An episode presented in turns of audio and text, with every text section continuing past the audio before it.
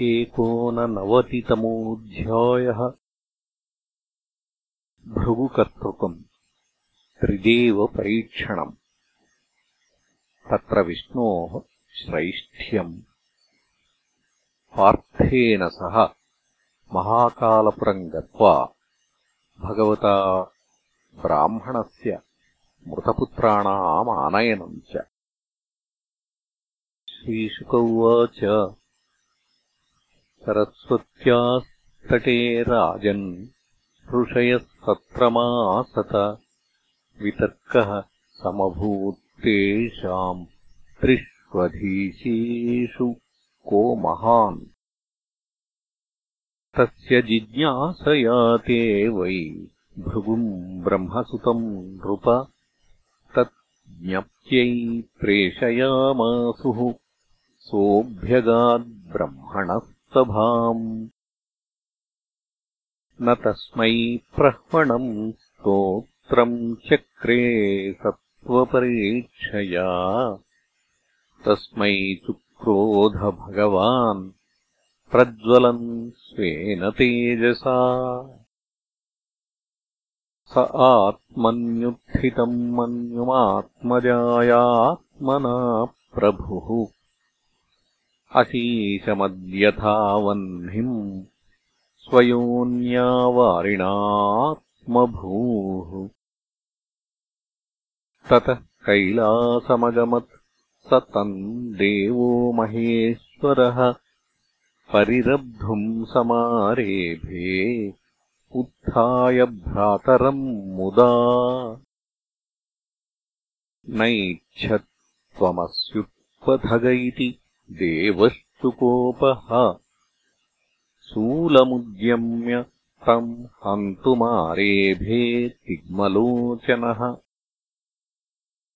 पतित्वा पादयोर्देवी सान्त्वयामास तम् गिरा अथो जगामवैकुण्ठम् यत्र देवो जनार्दनः। शयानम् श्रिय उत्सङ्गे पदावक्षस्य ताडयत्। तत उत्थाय भगवान् सह लक्ष्म्या सताम् गतिः। स्वतल्पादवरुह्याथ ननाम शिरसा मुनिम्। आहते स्वागतम् ब्रह्मन् निषीदात्रासने क्षणम् अजानतामागतान् वः क्षन्तुमर्हथ नः प्रभो। अतीव कोमलौ तात चरणौ ते महामुने इत्युक्त्वा विप्रचरणौ मर्दयन् स्वेन पाणिना।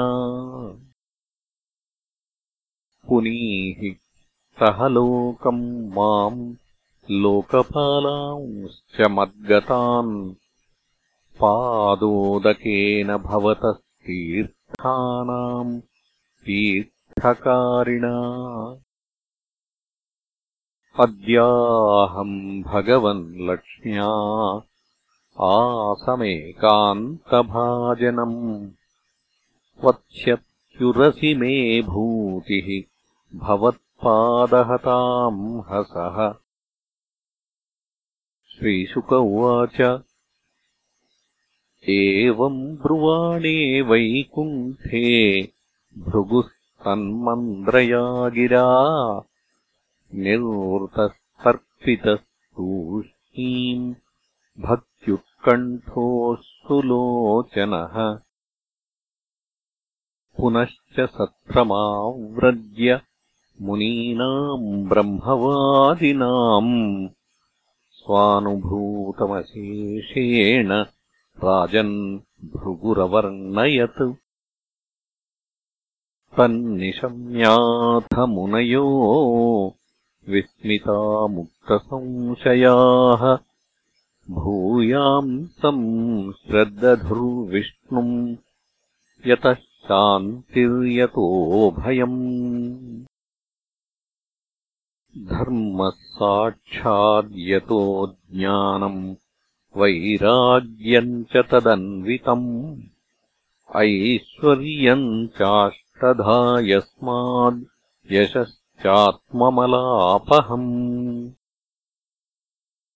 मुनीनाम् न्यस्तदण्डानाम् शान्तानाम् समचेतसाम् अकिञ्चनानाम् साधूनाम् यमाहुः परमाम् गतिम्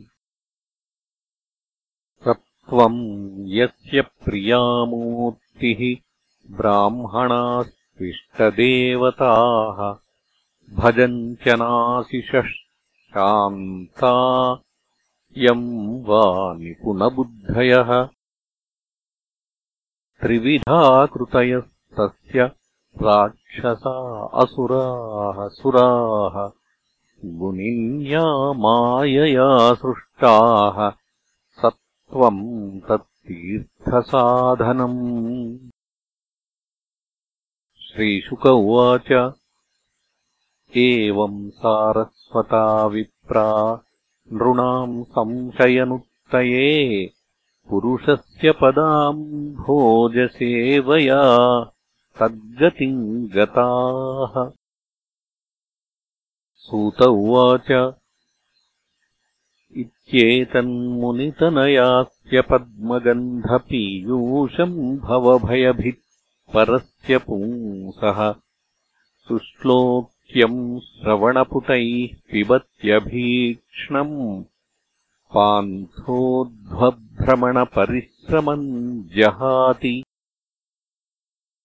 श्रीशुक उवाच एकदा द्वारवत्याम् तु विप्रपत्न्याः कुमारकः जातमात्रो भुवम् स्पृष्ट्वा ममार किल भारत।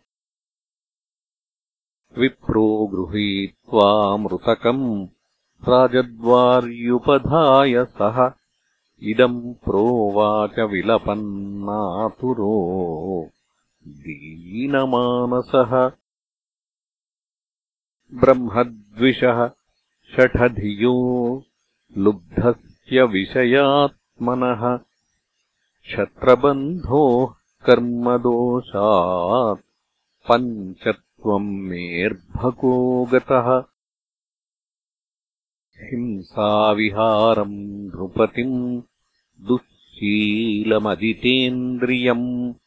दुःशीलमजितेन्द्रियम् प्रजाभजन्त्यः सीदन्ति दरिद्रा नित्यदुःखिताः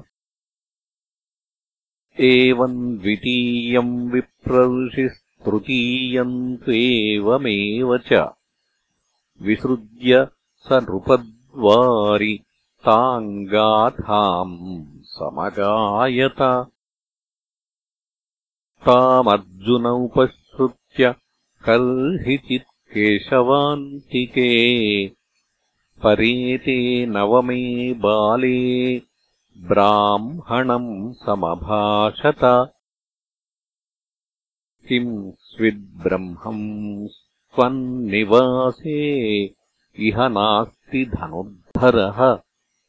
राजन्यबन्धुरेते वै ब्राह्मणास्तत्र आसते धनदारात्मजापृप्ता यत्र शोचन्ति ब्राह्मणाः ते वै राजन्यवेषेण नटा जीवन्त्यसुम्भराः अहम् प्रजावाम् भगवन् रक्षिष्ये दीनयोरिह अनिस्तीर्णप्रतिज्ञोऽग्निम् प्रवेक्ष्ये हतकल्मषः। ब्राह्मण उवाच। सङ्कर्षणो वासुदेव प्रद्युम्नो धन्विनाम् वरः अनिरुद्धोऽप्रतिरथो न त्रातुम् शक्नुवन्ति यत् तत्कथम् नु भवान् कर्म दुष्करम् जगदीश्वरैः चिकीर्षसि त्वम् बालि स्यात् तन्न श्रद्दध्महे वयम्। अर्जुन उवाच नाहम् सङ्कर्षणो ब्रह्मन्। न कृष्णः कार्ष्णिरेव च। अहम् वा अर्जुनो नाम गाण्डीवम् यस्य वै धनुः। मावमम् स्था मम ब्रह्मन् वीर्यम् त्र्यम्बकतोषणम्। मृत्युम् विजित्य प्रधने आनेष्ये ते प्रजाम् प्रभो। एवम् विश्रम्भितो विप्रः फाल्गुनेन परन्तप। जगाम स्वगृहम् प्रीतः पार्थवीर्यम् निशामयन्। प्रसूतिकालासन्ने भार्याया द्विजसत्तमः पाहि पाहि प्रजाम् अर्जुनमातुरः स उपस्पृश्य शुच्यम्भो नमस्कृत्य महेश्वरम्। दिव्यान्यस्त्राणि संस्मृत्य सद्यम् गाण्डीवमाददे। न्यरुणत्सूतिकागारम् शरैर्नानास्त्रयोजितैः तिर्यगूर्ध्वमधः पार्थः चकारशरपञ्जरम्। ततः कुमारः सञ्जातो विप्रपत्न्या रुदन्मुहुः सद्योदर्शनमापेदे स शरीरो विहायसा तदाह विप्रो विजयम् विनिन्दन् कृष्णसन्निधौ मौढ्यम् पश्यत मेयोऽहम् श्रद्दधे क्लीबकर्थनम् न प्रद्युम्नो नानिरुद्धो न रामो न च केशवः। यस्य शेकुः परित्रातुम् कोऽन्यस्तदवितेश्वरः धिगर्जुनम् मृषावादम्। धिगात्मश्लाघिनो धनुः। दैवोपसृष्टम् यो मौढ्यादानिनीशति दुर्मतिः। एवम् शपति विप्रर्षौ विद्यामास् स्थाय फाल्गुनः ययौ संयमनीमासु। यत्रास्ते भगवान् यमः। विप्रापत्यमचक्षाणस्तत ऐन्द्रीमगात्पुरीम्। आग्नेयीम् नैरृतीम् सौम्याम्। वायव्याम् वारुणीमथ। रसातलम् धिष्ण्यान्यन्यान्युदायुधः। ततो लब्धद्विजसुतो ह्यनिस्तीर्णप्रतिश्रुतः अग्निम् विविक्षुः कृष्णेन प्रत्युक्तः प्रतिषेधता। दर्शये द्विजसूनू ते मावज्ञात्मानमात्मना ये तेन कीर्तिम् विमलाम् मनुष्याः स्थापयिष्यन्ति। इति सम्भाष्य भगवानर्जुनेन सहेश्वरः दिव्यम् स्वरथमास्थाय प्रतीचीम् दिशमाविशत्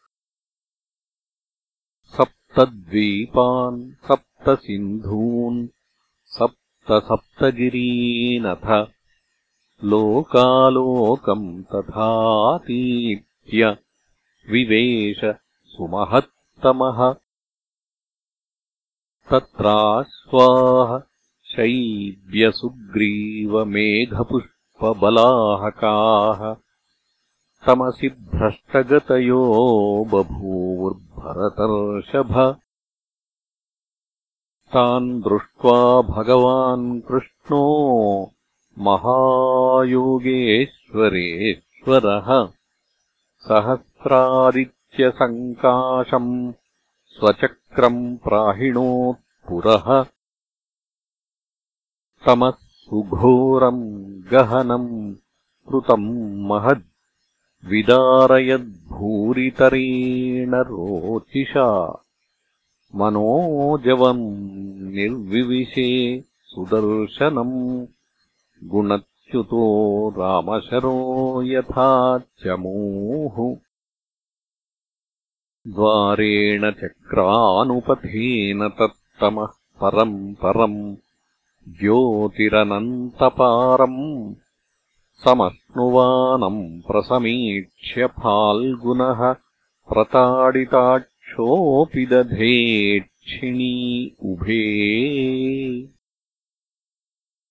ततः प्रविष्टः सलिलम् नभस्वता बलीयसैजद्बृहदूर्मिभूषणम् तत्राद्भुतम् वैभवनम् द्युमत्तमम् भ्राजन्मणिस्तम्भसहस्रशोभितम् तस्मिन्महाभीममनन्तमद्भुतम् सहस्रमूर्धन्यफणामणिद्युभिः विभ्राजमानम् द्विगुणोल्बणेक्षणम् सिताचलाभम् सितिकण्ठजिह्वम्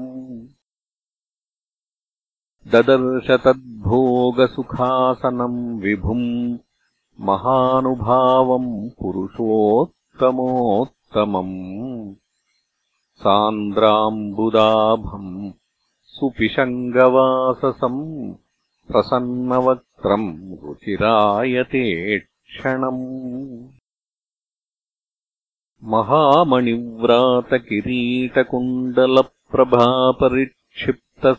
महामणिव्रातकिरीटकुण्डलप्रभापरिक्षिप्तसहस्रकुन्तलम् प्रलम्बचार्वष्टभुजम् सकौस्तुभम् श्रीवत्सलक्ष्मम् वनमालयावृतम् सुनन्दनन्दप्रमुखैः स्वपार्षदैः चक्रादिभिर्मूर्तिधरैर्निजायुधैः पुष्ट्या श्रिया कीर्त्यजयाखिलर्धिभिः निषेव्यमाणम् परमेष्ठिनाम् पतिम् ववन्द आत्मानमनन्तमच्युतो जिष्णुश्च तद्दर्शनजातसाध्वसः। तावाह भूमा परमेष्ठिनाम् प्रभुः बद्धाञ्जली सस्मितमूर्जया गिरा।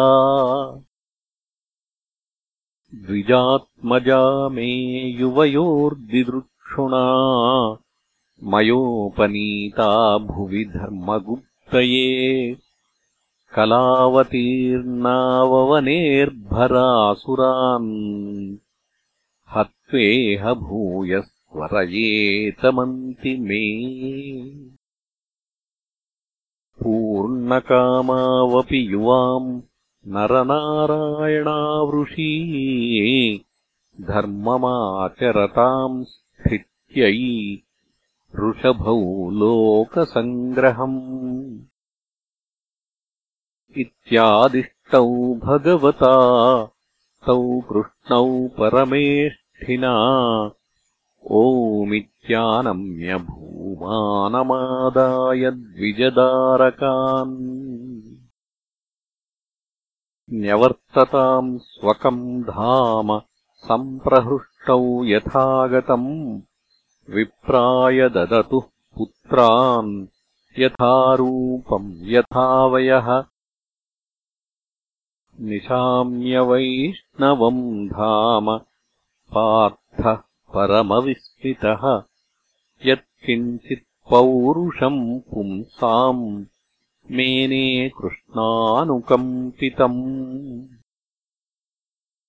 इतीदृशान्यनेकानि वीर्याणीह प्रदर्शयन् बुभुजे विषयान् ग्राम्यानीजे चात्यूर्जितैर्मखैः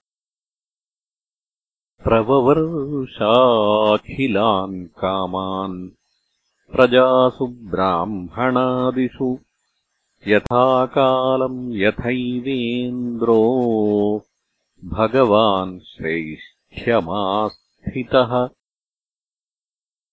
हत्वा नृपानधर्मिष्ठान् घातयित्वार्जुनादिभिः। अञ्जसा वर्तयामास धर्मम् धर्मसुतादिभिः इति श्रीमद्भागवते महापुराणे पारमहंस्याम् संहितायाम् दशमस्कन्धे उत्तरार्धे एकोननवतितमोऽध्यायः